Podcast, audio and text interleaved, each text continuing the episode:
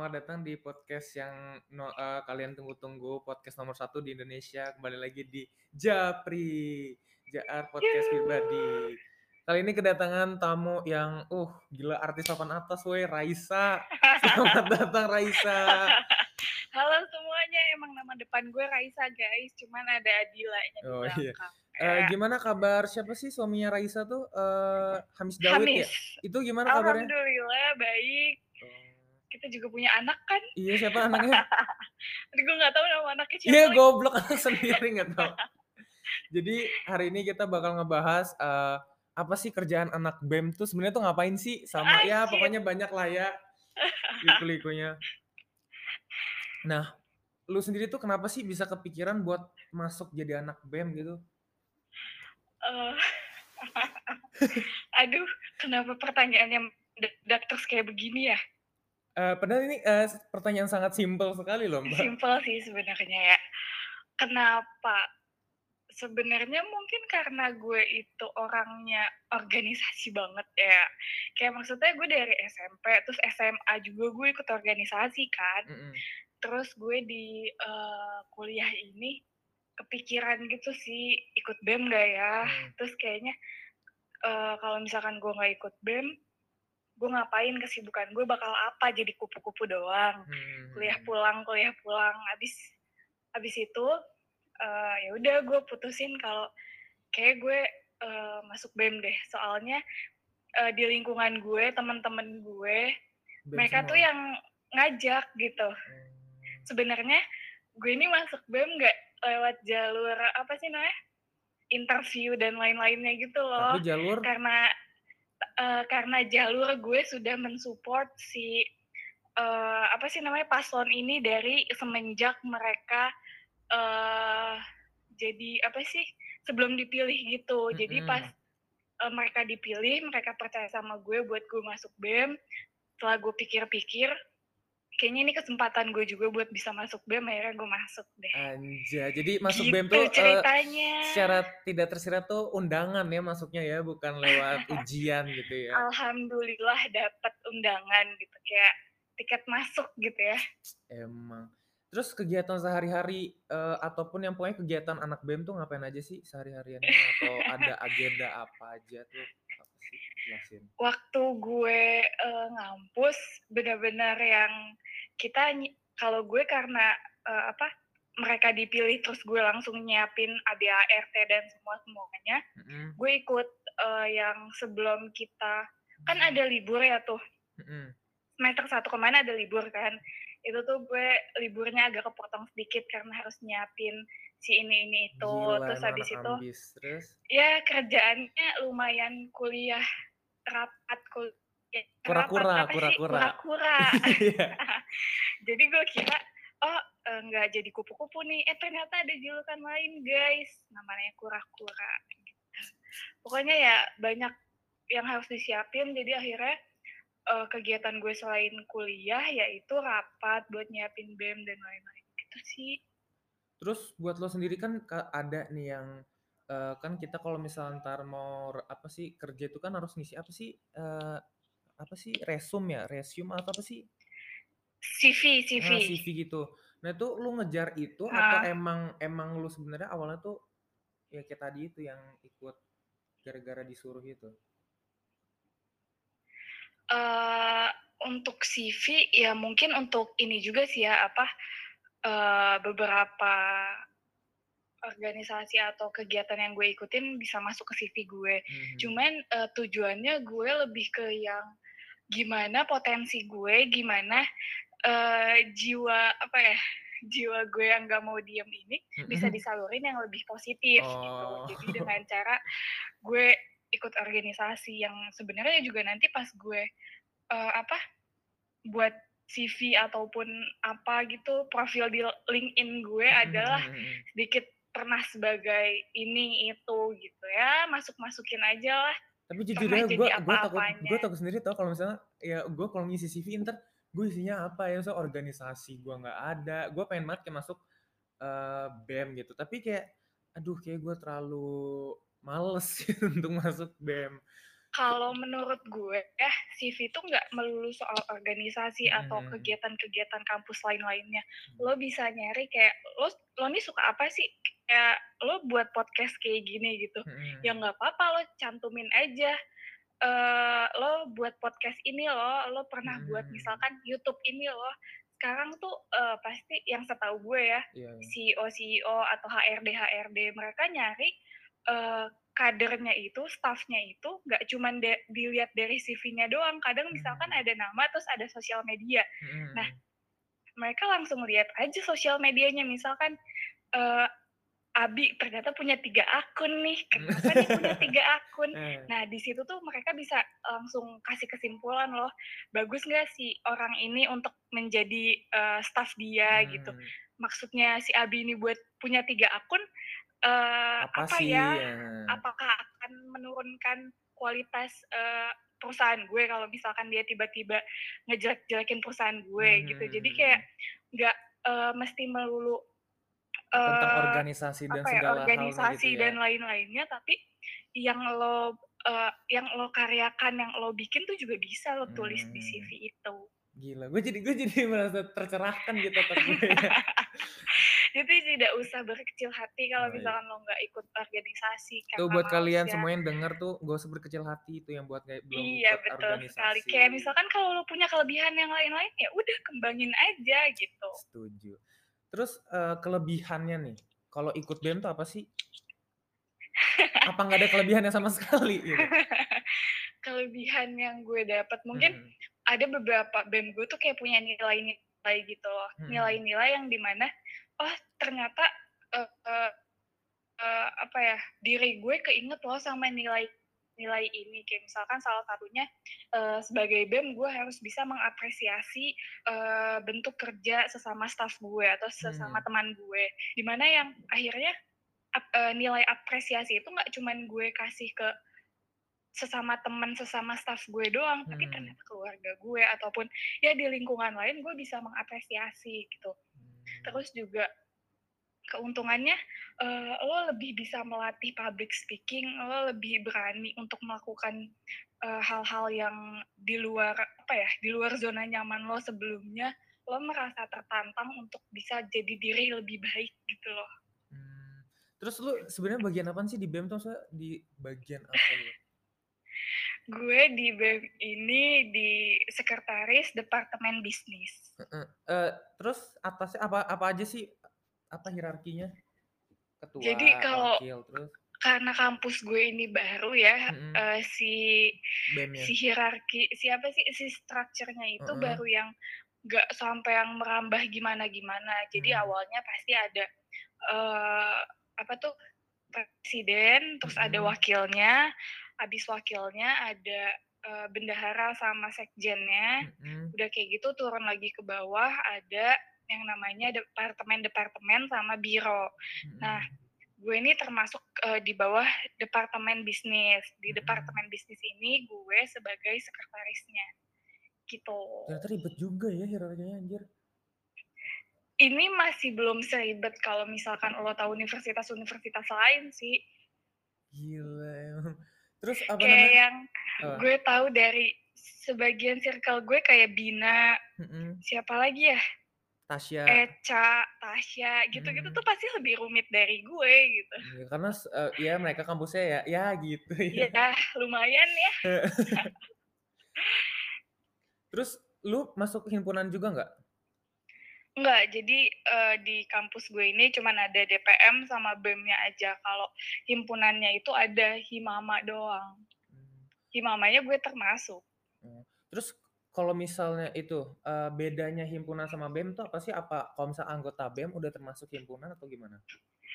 Aduh, kalau ini jujur gue nggak tahu ya, Oh, Bia. nggak tahu ya? Karena gue kalau himpunan tuh nggak ada. Gue lebih ke Hmm. yang eh, eh, apa sih?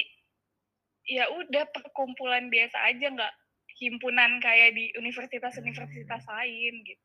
Terus kalau misalnya kan biasanya kalau misalnya ada persyaratan tuh kalau misal lu kalau sama jadi presiden BEM tuh harus angkatan segini segini segini mau jadi wakil sih harus angkatan segini. Kalau di kalau dulu tuh ada nggak sih maksimal apa minimal gue- tahun masuknya kan biasanya kalau di gua tuh presiden BEM itu kan harus angkatan 17 atau berapa ya? Lupa 17, 18 Oh, gitu ya. heeh. Kalau dulu ada nggak sih? Kalau di gue tuh nggak nggak jauh-jauh banget gitu loh, Bi, kayak ya udah angkatan di atas gue aja. Jadi angkatan di atas gue laginya, Mhm. eee, udah nggak bisa ikut lagi gitu. Jadi Oh, kayak jadi satu ini satu gue 2019, Mhm. yang bisa tuh cuman sampai 2018 doang, Oh. 2017 angkatan, eee, 2017 yang udah nggak bisa lagi Berarti gitu. Jadi berarti angkatan lu masih bisa nih, gitu. masih bisa jadi itu? Angkatan gue bisa, nanti di, Oh. eee, setelah kabinet gue ini selesai baru Mhm. angkatan gue kan. Terus lu ada niatan nggak buat jadi presiden atau pokoknya, eee, hierarki atas ada nggak kepikiran? Nggak sama sekali, Tapi kalau gua ini ngeliat lu ya maksudnya ada gitu, misalkan lu kan orangnya kan yang tegas segala macam dan teratur ya. Kenapa lu nggak nggak apa sih, mencoba mencalonkan menjadi presiden atau wakil presiden gua kayak gila gitu loh. Kebetulan, eee, si ketua, wakil, dan teman-teman gue lain eh, maksudnya, eee, badan pengurus hariannya ini deket kan sama gue dan Mhm. gue ngeliat kerjaan mereka tuh aduh susah banget ya. Walaupun sehebat apa pun gue, kayaknya gue belum kompeten deh buat jadi seperti mereka. Walaupun gue bisa aja jadi, eee, pemimpin, eee, yang kayak diri gue sendiri gitu ya, terserah Mhm. aing gitu kan. Mhm. Cuman tetep aja kayak gue masih ngelihat, eee, itu keputusan yang berat, itu sebuah tanggung jawab yang berat juga kalau misalkan gue mau nyalonin cuy. Mhm. Tapi kayak keren aja gitu kayak, "Woi Raisa anjay." Gue mikirnya udah bukan keren lagi sih, Oh. lo bisa nggak tanggung jawab, lo Iya sih, bisa nggak? sih tanggung jawabnya sih besar ya. Itu dia kayak, ah, no no no no. Aduh, tapi jujur gue pengen mas aduh duh duh, pengen masuk BEM ya, tapi kayak apa ya, gue tuh males di interviewnya, kayak entar tau-taunya sebenarnya ini, eee, nggak bagus juga ya, maksudnya gue tuh tipikal orang yang kayak, "Ah gue pasti nggak keterima nih, gue pasti nggak keterima." Itu sih, gue Oh. pengen banget jadi anak maksudnya ada ya teman-teman gue tuh rata-rata kayak ikut anak BEM segala macam gitu, tapi kalau misalnya gue mikir kayak, "Duh gue bakal keterima nggak ya? Gue bakal keterima." Itu sih yang gue Nah. payahnya di gue tuh itu. Tau nggak sih yang namanya, eee, pikiran-pikiran negatif gitu-gitu tuh Mhm. ada ada di otak kita tuh ada sebutannya tau. Apaan tuh? Nggak Namanya tuh amigdala. Amigdala itu, eee, sebuah saraf, eee, gue nggak tahu saraf atau apa ya, gue lupa pokoknya, Mmm. eee, dia itu sebuah, eee, apa ya, kayak misalkan lo bilang, "Lo nggak bisa, gue takut wawancaranya, kayaknya gue Mmm. bakal nggak keterima," dan lain-lain deh. Mhm mhm. Itu tuh pikiran yang emang udah ada, eee, di dalam otak kita, cuman lo bisa, Ngelawan itu membalikan nggak? pikiran itu, melawan pikiran itu dengan, eee, apa ya, yang lo ingin raih gitu loh. Oh. Sebenarnya lo ing buat ikut BEM tuh mau cari tenarnya doang atau emang ada jiwa kepemimpinan lo yang pengen lo curahkan gitu. Mmm. Jadi kayak lo balikin lagi coba, lo pengen ikut BEM untuk tenarnya kah atau untuk, eee, apa tadi? Eee, itu jiwa kepemimpinan. Jiwa kepimpin jiwa kepemimpinan lo Mmm. yang pengen lo curahkan, jiwa lo yang nggak bisa diem yang lo pengen curahkan. Coba lo cari sisi positifnya, terus, "Oh ternyata gue, eee, banyak loh sisi positif gue yang kayaknya gue bakal bisa deh masuk BEM," gitu. Mmm. Jangan fokus ke pikiran negatif, fokusnya ke pikiran positif, Kalau gue gitu. sih pengen pengen nyari pengalaman aja tuh kayak, gimana sih jadi anak BEM, terus kayak kan gue kan maksudnya, eee, kegiatan kuliah gue kan maksudnya nggak terlalu padat gitu ya, paling cuman kayak ek apa, eee, kegiatan ekskul doang, terus kadang, Mhm. eee, gue juga ikut-ikut kepanitiaan, tapi kepanitiaannya cuman yang kayak semian gitu, ngerti nggak sih? Kalau misalnya ada acara ini baru ada, kalau misalnya ada, Paham ada paham. gitu. Nah, gitu kan kalau BEM itu kan dia maksudnya hampir setiap hari ngumpul kan, maksudnya kayak ngerja nge ngebahas ini ngebahas ini, ngerjain ini, gitu loh, pengen aja. Ya, kalau misalkan lo penasaran dan lo merasa tertantang, coba sih kalau kata gue, Bi. Tapi kalau BEM itu ada itunya nggak sih kayak, eee, apa sih, LDKO apa sih pokoknya orientasi orientasi gitu ada nggak sih BEM kalau misalnya Eee, daftar kalau jadi di BEM? gue sih nggak ada. Kalau di gue ada nggak ya? Nggak tahu juga gue, tidak Nah itu dia tergantung, eee, kampus juga sih kayaknya. Terus apa sih yang ngebuat kalau jadi anggota BEM tuh membanggakan gitu daripada yang lainnya? Lu sendiri bangga nggak Kalau sih misalnya jadi anak BEM gitu kan? Biasanya ada anak BEM yang kayak, "Ah, gue bangga gue anak BEM, eee, gue anak yang ya bisa terbilang anggota organisasi yang terkenal di kampusnya masing-masing." Kalau lu tuh apa sih kebanggaan lu jadi anggota BEM itu? Eee, mungkin, eee, pertanyaannya lebih yang kayak tadi ya, apa kebanggaan lo Mhm. eh, apa sih tadi yang terakhir lo Apa bilang? yang ngebuat kalau jadi anggota BEM tuh membanggakan gitu? Ah, itu dia. Mungkin kalau gue lebih ke apa manfaat gue eh, gimana ya, apa yang bisa gue berikan untuk para mahasiswa, untuk Mhm. teman-teman gue, Mhm. eee, dari posisi gue sebagai BEM. Ngerti nggak sih? Kayak gue di BEM bukan cuman untuk sok-sokan atau gimana, Mhm. tapi gue juga pengen ngasih sesuatu buat teman-teman gue. Jadi Ngasih yang berguna kalau gitu ya? heeh, kalau Mhm. misalkan mereka udah ngerasa manfaat dari yang gue, eee, berikan, baru gue bisa ngerasa bangga gitu sih. Gila mulia banget Raisa. Gue yang lagi gue omongin dari tadi, Bi. Jadi jadi lu kalau misal ya jadi intinya kalau misal lu udah bisa menghasilkan, eee, apa ya yang orang bisa ya gimana sih tadi? Gue jadi ribet menjelaskannya. Apa yang bisa, eee, gimana ya, kalau misalkan orang itu udah merasakan manfaat dari yang gue kasih, gue baru bisa merasa bangga Hmm. gitu. Gila emang, aduh mulia banget Raisa. Aish, aja. Hamis Daud tuh, Hamis Daud, Hamis Aish. Daud sih. Hamis Daud. Hamis Daud. Aduh. Nah, kan lu nih jurusan bisnis, rencana ke depannya 5 tahun atau 10 tahun ke depan atau kayak ke depannya mau ngapain nih? Aduh kepo banget ya, sampai 5 tahun ke depan gue ditanyain.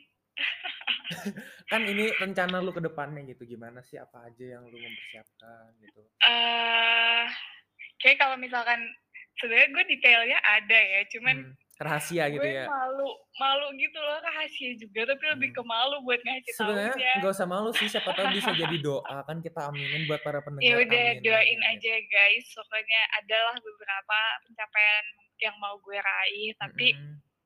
eee, ya mungkin gue pengen lebih bisa bermanfaat dari mulai sekarang, bisa Mhm. menghasilkan pundi-pundi Anjay dari sekarang. Bisa apalagi ya? Bisa menjadi diri gue yang apa ya, yang Bermanfaat buat bermanfaat bagi sekitar. Hmm. Ya pokoknya apa pun rencana yang disiapin ke depan semoga berhasil, semoga sesuai apa yang Amin diharapin sama amin. Raisa. Kita aminin bantu-bantu guys, bantu amin. Amin, semoga Abi juga bisa, eee, melaksanakan segala keinginannya, bisa terwujud segala Amin. keinginannya. Nah, lu kalau misalnya masuk ke bisnis nih, lu mau terjun di bisnis di bidang apa sih? Eee, sebenarnya ada 2 hal dan 2 hal ini, eee, apa, beda gitu ya. Hmm. Yang pertama, karena gue belakangan nggak belakangan sih sebenarnya gue suka kopi udah lumayan lama banget Iya kan. udah lama. Gue pengen banget buat coffee shop, jujur aja. Mhm. Aminin aja Itu dulu. mimpi gue, Mhm. aminin ya guys. Aminin guys. Terus gue juga suka banget sama high heels.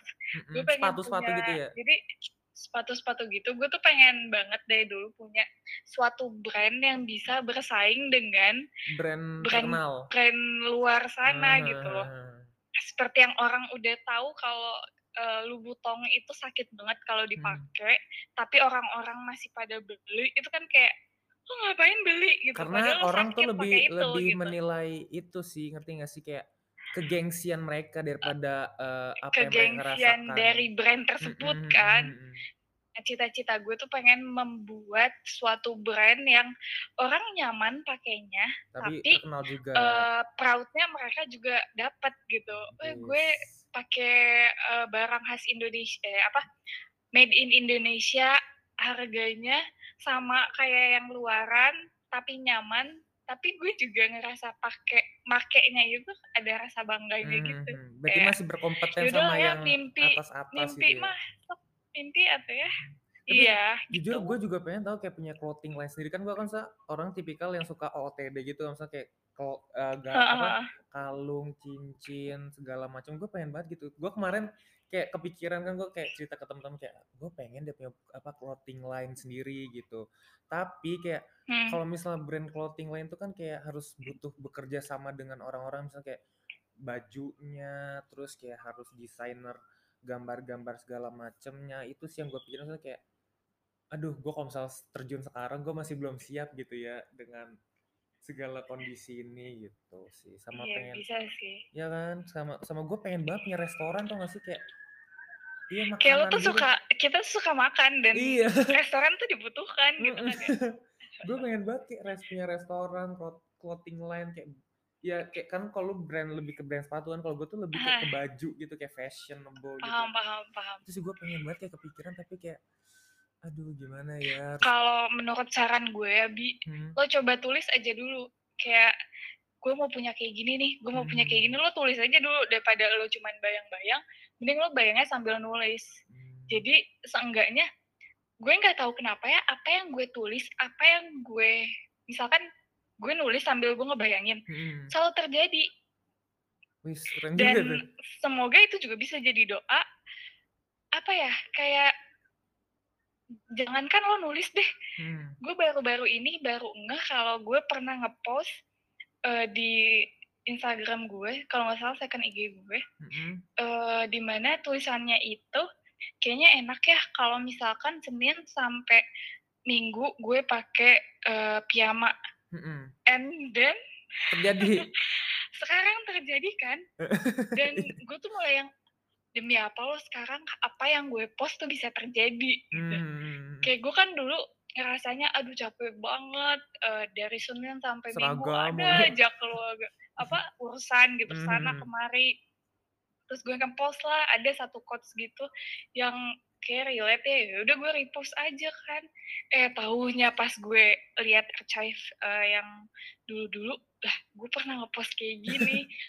Terus dari situ gue beranggapan bahwa yang apa yang eh, gue pikirkan apa Hmm. yang gue tulis dan apa yang gue post itu tuh bisa aja jadi doa. Doa jadi oh. kayak nggak mungkin ucapan kalau sekarang. Hmm, bahkan hmm, postan aja bisa jadi diaminkan gitu. Aduh. Tapi, ya Allah.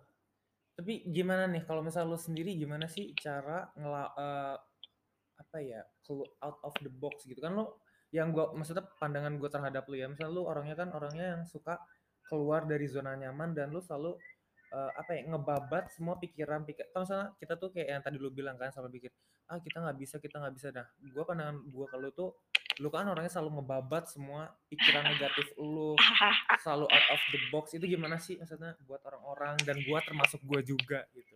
Gimana sih apa ya sebenarnya gue sebenarnya gue juga masih belajar lah ya. Kalau hmm. yang gue lakuin tuh sebenarnya ya eh tapi suara gue kedengeran gak sih? Dengar dengar banget. Ah, oke lo diem ya. Gue nungguin. Kalau yang gue lakuin tuh lebih ke gue tetap punya amigdala gue punya pikiran negatif tuh pasti Hmm, ada. iya. kadang pikiran negatif itu butuh untuk eh sometimes buat ngerem lo untuk nggak terlalu berlebihan lah gitu ya. loh. untuk nggak terlalu berlebihan. Hmm. nah tapi kalau misalkan lo bayangin deh ada dua toh. Ada dua kereta. Mm-mm, lo pengen eh, ke Bandung pakai kereta yang A. Mm-mm. tapi kereta B selalu nyalip terus. Kayak ih gue kagak nyampe nyampe nih. Kan gue mau Hmm. ke Bandungnya cepetan. Iya, Nah, bayangin yang kereta B itu tuh si amigdala si pikiran negatif itu kan. Mm-mm. nah kalau misalkan lo bisa lebih berpikir dominannya ke yang positif yang kereta A Mm-mm. eh, lo nggak usah ngeliat nih si kereta B mau nyenggol nyenggol ya udah lo, lo jalan aja terus emang bakal ada yang nyalip Mm-mm. cuman itu nggak nggak jadi pembatas lo gitu loh karena lo tahu eh ujung lo itu bakal buat apa tujuan lo itu bakal buat apa Hmm. jadi semua hal yang mau lo lakuin lo harus tahu lo harus jelas tujuannya apa dulu gitu kayak lo misalkan mau punya bisnis Mm-mm. oke tujuan lo eh, ingin mencurahkan hobi lo yang suka OOTD yang suka dengan eh, apa tuh kaos dan lain-lainnya Hmm. tapi ternyata gue punya tujuan yang lebih mulia loh gue pengen membuka lapangan pekerjaan coba eh, tujuan yang lebih mulia itu lo jadi eh, yang paling dominan gitu Hmm, jadi tujuan Jadi, utama gitu ya semua heeh, jadi Hmm. semua halangan yang bakal lo dapetin tuh lo selalu inget oh ya gue harus bisa uh, membuka lapangan pekerjaan buat banyak orang. Gue fokus ke mereka yang uh, belum punya pekerjaan dan susah nyari pekerjaan. Ini loh lahannya gue sediain. Bukan yang, aduh gimana ya, uh, gagal lagi, gagal lagi. Gagal tuh pasti selalu ada. Gue hmm. pun ngerasa, aduh capek gue buat kopi kagak enak mulu. tapi, tapi gue ter gue terus coba gitu di mana biar bisa si kopi ini enak buat gue dan enak buat orang, orang yang gue buatin hmm. gitu loh. Jadi kudu clear dulu nih tujuan akhir lo nih apa gitu. Hmm. Gila ini udah kayak kultum banget ya di ya Allah gue gue nggak tahu gue ngomong apa asli. Enggak, tapi jujur semua yang lu ngomongin itu maksudnya benar-benar emang relate gitu ya. Semoga aja bisa Amin. Di, Semoga uh, bisa bermanfaat. Bermanfaat buat pendengar, buat gue juga terutama. Amin, amin. Semoga kita bisa jadi pribadi yang lebih baik di Amin. Ya udah, makasih banyak Raisa buat jadi bintang tamu oh my di God, ini udah ini. mau maghrib guys. Iya udah mau maghrib nih udah jam. banyak.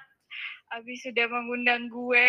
Makasih enggak maksudnya gue makasih banyak udah meluangkan waktu untuk berbicara, untuk ngasih amanat dan segala macam di podcast ini.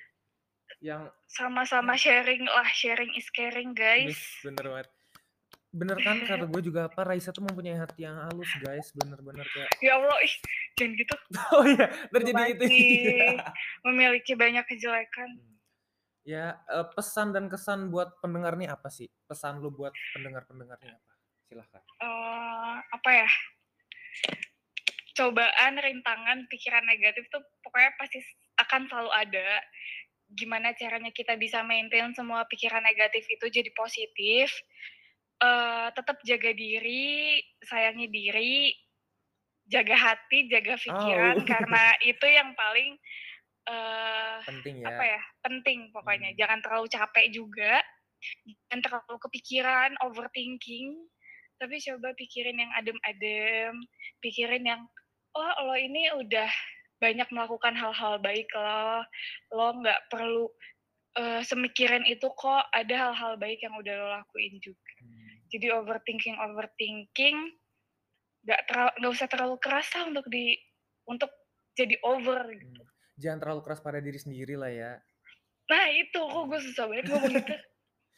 ya udah makasih banyak ya Raisa udah jadi bintang tamu. Sama-sama JR Ambia. Semoga kita ke depannya bisa lebih sukses lagi. Amin amin amin. Semoga semua yang kita rencanain, semua yang kita pikirin maksudnya untuk ke depannya semoga terrealisasikan, terrealisasikan. Amin amin pasti. Kudu sukses yakin. terus Dila.